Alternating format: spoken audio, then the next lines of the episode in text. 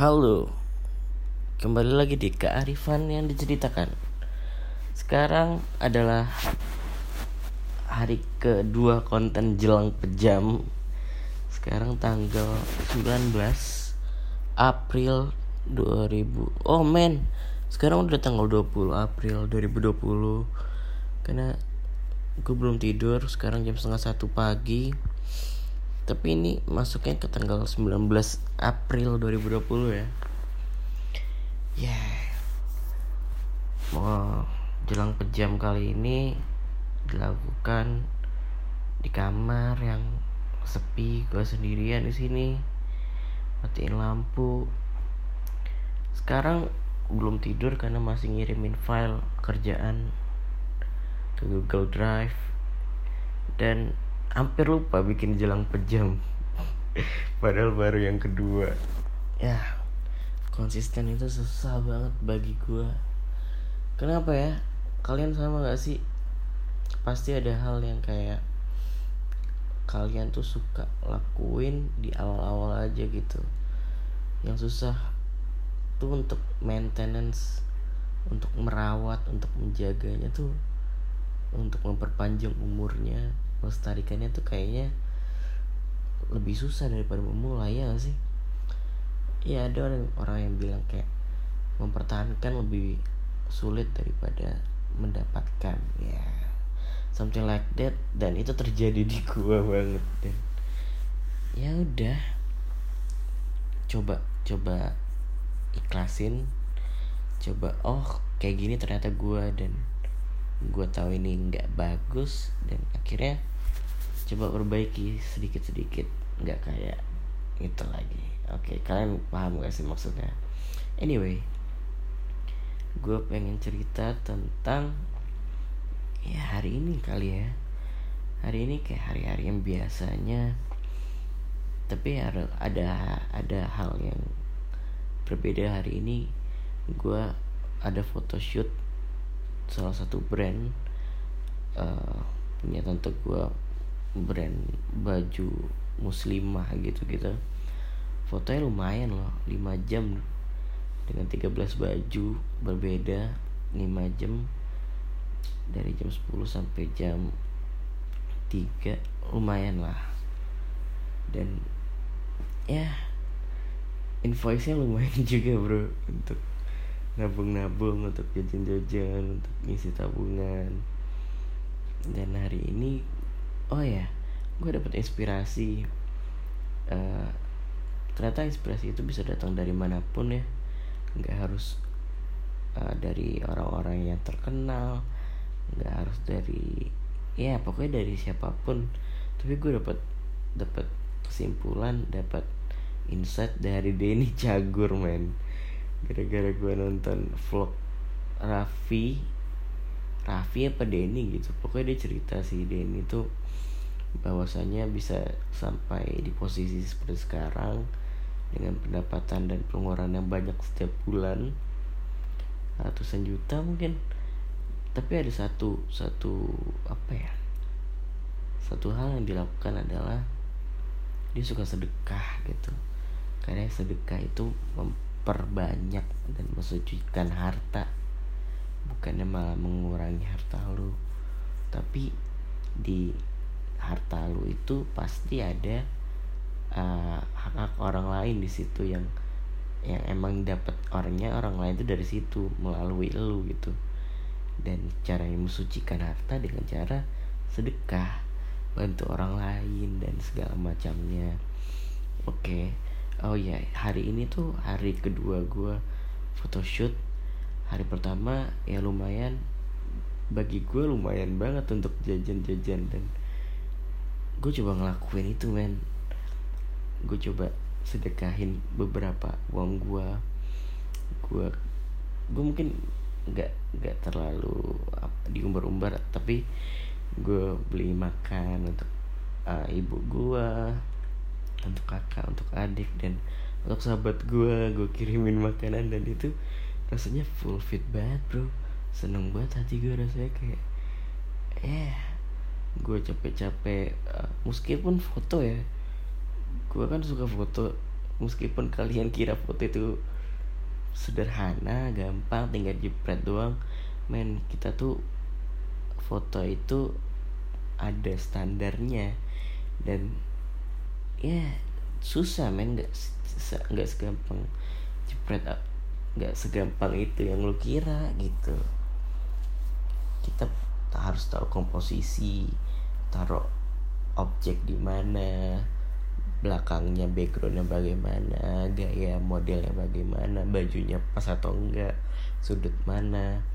Terus udah udah difoto semua kita harus pilih yang bagus terus kita kirimin ke klien terus kita dia udah netapin foto yang dia pilih kita editin lagi terus kita ngambil shoot juga tuh waktu foto shoot shoot video udah tuh kita edit. Ya kayak gitu men. Kelihatannya sih gampang ya mungkin tiga jam lima jam di di lapangan tapi uh, sesudahnya itu paskanya tuh ada proses editing dan memilih-milih dan mengirim. Itu juga masuk ke dalam prosesnya gitu nggak cuman di lapangan doang. Nah, ya tapi gue seneng banget sih. Akhirnya gue nggak malu-malu. Dulu tuh gue pemilih banget. Mungkin banyak banget hal-hal yang datang ke gue kesempatan-kesempatan yang datang kepada gue kayak orang ngasih job foto minta fotoin terus ngajak lomba terus ah, ya banyak lah kayak gitu-gitu. Tapi dengan sadar dan gue baru nyesel sekarang gue menolak itu semua. Dan penolakan gue itu membawa gue tidak ke mana-mana tetap di posisi seperti itu. Nggak tahu sih gue nolak dengan alasan yang simple dan alasan ini sangat gue benci gitu. Alasan itu alasannya cuma males. That's it man. Dan itu toxic banget ngerusak gue banget dan nggak ngebawa gue ke mana-mana. Dan uh, akhir-akhir ini ya kira-kira mulai awal tahun ini gue sadar lah bahwa kesempatan apa yang ada gue coba dulu ambil gitu. Nggak akan gue sia-siain lagi. Karena gue udah tahu rasanya penyia-nyiaan yang gak enak banget yang membuat gue gak berkembang di sisi lain gitu ya men. Nyesel sih. Kalau kata Radit tuh penyesalan adalah hal-hal yang tidak kita lakukan saat kita di saat kita punya kesempatan untuk melakukan hal itu. Jadi kalau kita ada kesempatan ya why not dan coba lakuin. Coba dulu aja kalau seandainya nanti lu punya konklusi lu nggak suka ya udah gitu. Setidaknya lu udah mencoba. Anjir gue gampang buat ngomong ini padahal gue baru-baru menyadari juga tapi men ya udahlah kita harus berbagai insight gak sih ke manusia-manusia lain? Ya, gue belajar dari kesalahan gue aja sih. Semoga kalian gak ngelakuin kesalahan gue dan bisa langsung dapetin. Tapi nggak bisa juga deh hidup ini proses. Kadang lu dapat motivasi dari orang-orang yang udah ngelewatin step-step orang yang udah sukses yang udah kelihatan buahnya dari apa yang dilakukan. Ya lu udah tahu kan itu semua. Ibaratnya lu udah dapet cheat gitulah dari orang-orang itu. Udah dapet uh, hin-hin dari orang-orang itu. Tapi uh, dalam prosesnya ya lu akan menjalani proses itu dari awal gitu. Nggak mungkin meskipun lu udah tahu kunci-kuncinya lu nggak bakal bisa nyampe di situ dengan secepat mat secepat kilat gitu semua harus ada prosesnya mulai dari yang paling kecil. Dan percaya pada proses itu adalah hal yang penting gitu. Kadang hasil adalah bonus tapi yang mengembangkan kita yang menjadikan kita dewasa menjadikan kita berpikir oh ternyata kayak gini ya rasanya. Itu semua adalah proses men. Jadi saran gue adalah cintai proses men ya sekarang udah jam hampir jam satu. Masih satu jam lagi ngirim foto. Untungnya di rumah gue meskipun ngirim ratusan foto yang satu foto yang mungkin 17 MB tuh alhamdulillah internetnya mendukung gitu di rumah. Ya yeah. cerita apa lagi ya? Hmm, tentang hidup. Amin. Tentang hidup gue bingung banget cerita tentang hidup. Kayak gue terlalu terlalu kurang lah ilmu tentang kehidupan nah, yang terjadi sekarang sekarang aja ya kan biar jadi memori in the end of the day gitu. Hmm. ternyata gue baru sadar sih satu hal when ini gue pengen cerita. Gue tuh beberapa bulan belakangan tuh masuk ke dalam ke dalam ketakutan gue gitu. Gue tahu banget ketakutan itu. Setelah KKN nggak pada saat KKN gitu gue mulai mengalami ketakutan yang sebenarnya gue gak pernah dapetin gitu. Terus setelahnya ya membuat dan gue beranggapan mandiri adalah sendiri itu memperburuk keadaan. Jadi anxiety gue kecemasan gue tuh bertambah-tambah bertambah-tambah tanpa gue pernah cerita ke orang. Itu gue endapin sendiri dan akhirnya membawa gue yang seorang penyuka kopi gue dulu men. Setiap hari gue ngopi men. Gue nggak bisa nggak ngopi. Dan itu juga menguras duit jajan gue juga sih. Sehari ya 30 sampai 50 kan lumayan ya. Tapi ah itu juga ditambah kecemasan gue yang gue takut ngadapin skripsi jadi kepikiran. Jadi hal-hal yang kayak gitu membuat gue stres bisa dibilang dan itu menyebabkan kerusakan jaringan di dalam tubuh gue men gue yang awalnya suka kopi banget gak ada masalah sama apa pun yang ada dalam diri gue untuk meminum kopi akhir-akhir kayak awal tahun tuh gue kena men. Lu tau gak gue kena apa? Bukan awal tahun sih kayak Februari apa Maret gitu. Gue kena asam lambung men. Gue baru tahu itu karena gue suka mungkin ngopi. Suka ngopi gue kuat banget dulu dan dan stres juga. Jadi kalau stres tuh uh, otak itu membuat uh, lambung bekerja lebih dan melepas hormon-hormon asamnya gitu loh sehingga lambung lebih asam. Dan gue sampai ke uh, fase di mana asam lambung gue naik sampai kerongkongan dan itu menyebabkan sakit di ulu hati kayak sesak napas. Dan gue awalnya sangat takut. Gue apalagi gue dulu sendiri kan di sekarang kan lagi di rumah ya dulu sendiri gue di Bogor. Dan gue selama itu beberapa bulan gue menganggap gue penyakit jantung men. Dan itu rasanya nggak enak banget. Sal eh, setiap ketakutan itu datang gue selalu diam gitu. Itu menyebabkan gue menarik diri dari pergaulan mungkin ya. Dan adalah takut untuk mati segala macam. Ternyata setelah setelah dicek ya lu nggak boleh sih beranggapan atau lu uh, eh, self diagnose diri lu lu cuma baca baca di internet lu nggak tahu apa pun lu nggak punya ilmunya dan lu ngediagnosa diri lu sendiri. Lu dapet penyakit ini nggak boleh banget. Itu menyebabkan salah satu sisi uh, mental lu kena juga dan penyakit itu mungkin bisa datang terus gitu. Tapi ya gara-gara kecemasan itu yang paling aman yang paling penting adalah ya lu konsultasi ke dokter sih gue udah udah dua kali konsultasi ke dokter pertama.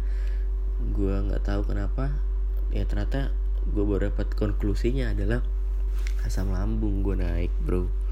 Ya gue nggak tahu sih ini GERD apa enggak tapi asam lambung gue naik sehingga uh, menelan gak enak sering nyari di dada terus ya sesak nafas kayak gitu-gitu yang gue kira jantung akhirnya terjawab gue kena asam lambung men dan setelah itu gue mm, stop kopi sampai detik ini ya sekitar udah dua dua tiga bulanan gue nggak ngopi men. Karena kan salah satu hal yang nggak dibolehkan orang yang kena pernah kena asam lambung untuk penyembuhannya jangan minum kopi dulu. Pokoknya kopi itu salah satu list yang nggak boleh lu nggak boleh lu masukin ke dalam tubuh lu lah. Pantang lah. Boleh mungkin tapi ada kadarnya. Tapi kalau gue nggak dulu deh gue pengen sembuh dulu baru gue bisa bisa uh, minum kopi lagi itu kan. Ya dan yang kedua gue kemarin kena lagi bro. Ini nggak tahu sih mungkin penyakit lambung itu uh, berkaitan erat dengan anxiety disorder. Ini gue juga baru baca-baca sih dan pertama tuh gue belum yakin banget kalau gue kalau gue itu uh, asam lambung aja gitu. Gue tapi beberapa hari setelah uh, ke dokter yang pertama itu ya udah biasa aja. Oh gue asam lambung ternyata bukan jantung alhamdulillah.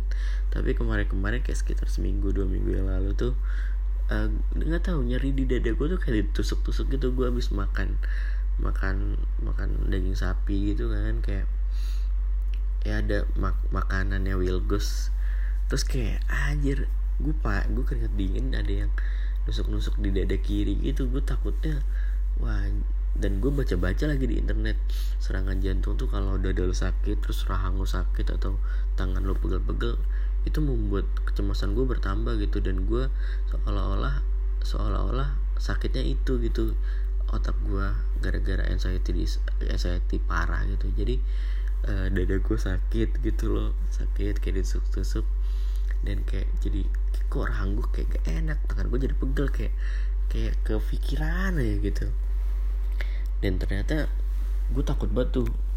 Anjir parah takut banget gue langsung langsung bilang uh, bokap gitu kan aku klinik lah. Uh, awalnya mau ke rumah sakit gitu kan. Gak ada lah rumah sakit. Orang lagi corona corona gini. Ada kalau ada pun uh, harus buat perjanjian. Kalau harus ada nyari dokter yang bagus kayak gitu gitu tapi ya udahlah gue ke akhirnya kayak ya gimana nih gue takut banget itu serangan jantung gitu kan. Kayak aja masih muda masa gue mati muda cuy? Terus ya udah akhirnya coba ke klinik 24 jam. Ya udah akhirnya gue ke situ dan dicek. Gue takut banget itu gue udah diem banget di mobil bro. Mana psbb lagi bokap gue di depan gue di tengah gitu kan. Nggak boleh depan depan dua gitu. Pokoknya ada pembatasan 50% dari kendaraan dah ya udah akhirnya dites dicek sambil takut tuh ah kamu asa ah, lambung ini gitu. Wah dicek semua paru-parunya bagus jantungnya bagus semuanya bagus deh gula darah gula darah kolesterol apa semua bagus deh ini cuma asam lambung doang. Oh mungkin gue waktu itu ya begadang makan makanan yang nggak nggak bersih dan mungkin lagi kepikiran atau apa gitu itu menyebabkan asam lambung gue naik lagi dan men setelah gue dapat jawaban dari dokter itu terus dia cerita dokter itu oh ini mah penyakit mahasiswa. Saya juga pernah dulu gitu kan dokternya bilang kayak gitu wah gue lega minta ampun men. Langsung bisa senyum gue di situ parah. Yang awalnya diem gue takut itu hari terakhir gue gue wah ada harapan banget Mai. Ya setelah itu setelah itu gue banyak belajar aja sih bahwa mengendalikan pikiran lu untuk hal-hal positif tuh sangat penting gitu. Jangan terlalu cemas lu memikirkan hal-hal yang belum terjadi dan dan membuat lu pusing gitu. Hal-hal di depan boleh dipikirin boleh dirancang tapi jangan sampai lu terlalu terbebani dengan masa depan gitu. Tapi hidup lu tuh adalah sekarang gitu jadi sekarang ini adalah waktu yang tepat untuk lu melakukan apa pun yang akan lu pengen lakuin gitu. Lakukan sekarang. Pikirin sekarang karena hal yang terbaik sepanjang hidup lu apabila lu ngelakuin hal yang sekarang ini ada dengan baik gitu untuk ke depannya lebih baik. Dan gue dulu emang berpikiran bahwa banyak overthinking juga hal-hal hal yang belum terjadi gue pikirin sehingga ya kayak buat sampah gitu di otak gue dan ya pikirin hal, sekarang aja lakuin apa yang ada di depan mata lo lo selesai sesuatu. Uh, masa depan yang boleh di emang harus dirancang tapi yang harus lo lakukan sekarang ini lo jalanin dulu untuk nyampe capek apa yang lo mau di depan gitu di kehidupan yang akan datang ya itu sekelumit uh, cerita gue dan men satu hal yang gue pelajarin gue bersyukur banget gitu. Bersyukur banget sekarang tuh gue tahu bahwa ya penyakit gue sama ini tuh cuma asam lambung dan kecemasan mungkin ya. Dan gue kangen banget bro minum kopi. Parah parah parah parah. Tapi dalam sisi lain gue lebih hemat sih ya sih. Tapi gue kangen banget sih semoga uh, gue bisa hidup lebih sehat lagi dan ya bisa minum kopi lah tapi nggak intensitasnya nggak terlalu sering sesering dahulu. Mungkin ada jam-jam tertentu dan kadar-kadar tertentu nggak boleh berlebihan. Dan ya jangan sendiri sih. Kalau gue belajar tuh gue sosok mandiri. Tapi ya mungkin gara-gara gue juga lagi sakit dan gue menarik dari pergaulan gue jadi lebih sendiri banget gitu. Sampai gue ke mana-mana sendiri bro. Nonton di bioskop gue sendiri anjir. Lu pernah gak sih nonton di bioskop sendirian? Gue pernah bro. Ke mall gue sendiri makan sendiri. Coffee shop gue paling sering sendiri. Ya dan itu nggak bagus banget. Lu bakal kalah dengan kesendirian gitu setidaknya kalau ada teman ada orang di samping lu yang bisa lu ajak ngobrol lo bisa berbagi uh, berbagi berbagi pikiran dan berbagi masalah gitu. Sehingga lo nggak merasa sendiri banget gitu. Dan so gue saran buat kalian semua jangan merasa sendiri. Lo punya teman-teman kok yang sayang sama lo. Kalau lo butuh bantuan lo telepon atau lo datengin. Nah itu yang salah salahnya gue mungkin karena ketakutan gue juga sih. Gue ya gue ngira dulu gue penyakit jantung dan gue takut banget uh, waktu gue nggak lama gitu kan. Tapi ya men jangan self diagnose jangan merasa sendiri uh, uh, jangan terlalu overthinking terhadap kehidupan yang ada di depan atau di belakang lu. Jalanin aja apa yang ada sekarang dengan baik karena ya tadi yang gue bilang di depan itu lu bisa nyampe di masa depan karena sekarang tuh berjalan dengan baik lu nggak ngerangkak atau nggak ngesot? Karena jalannya bakal lama untuk nyampe ke depan ya nggak? Ya nggak? Ya nggak? Ya nggak?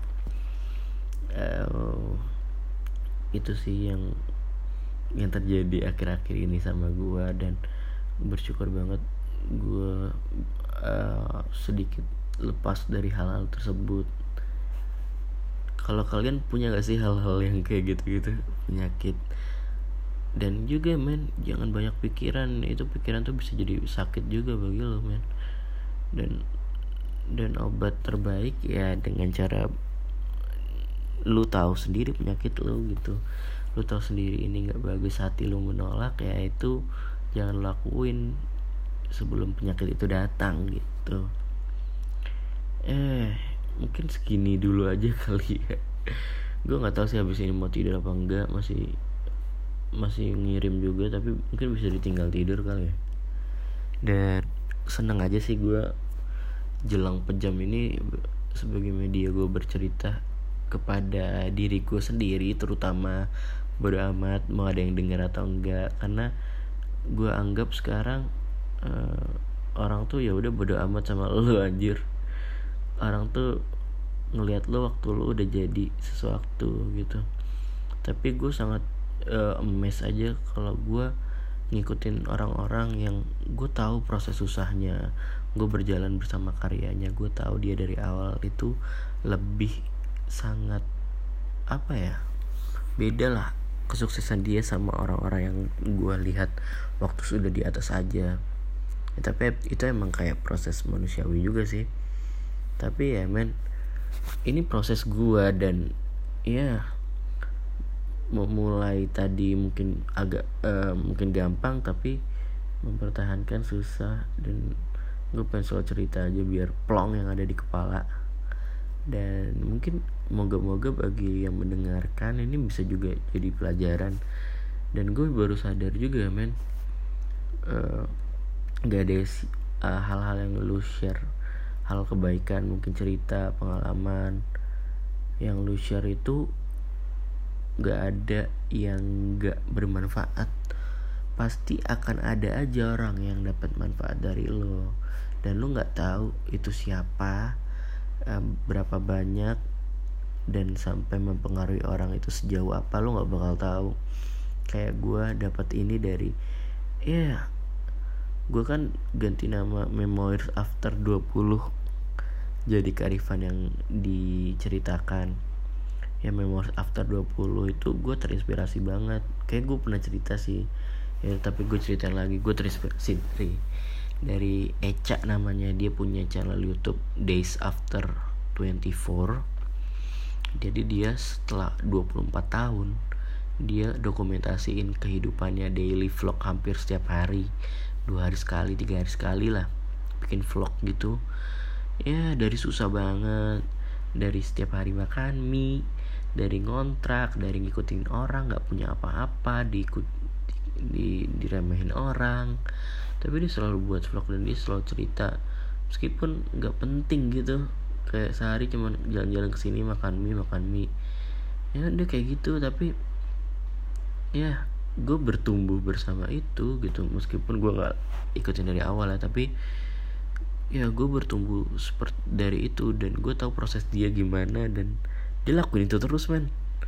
Meskipun yang nonton dikit dia udah berapa udah empat tahun lima tahun. Dia sekarang umur 29 berarti udah lima tahun. Dia bikin dia bikin uh, vlog itu yang nonton ya mungkin dikit lah nggak nyampe kayak youtuber youtuber terkenal. Gak sebanyak itu.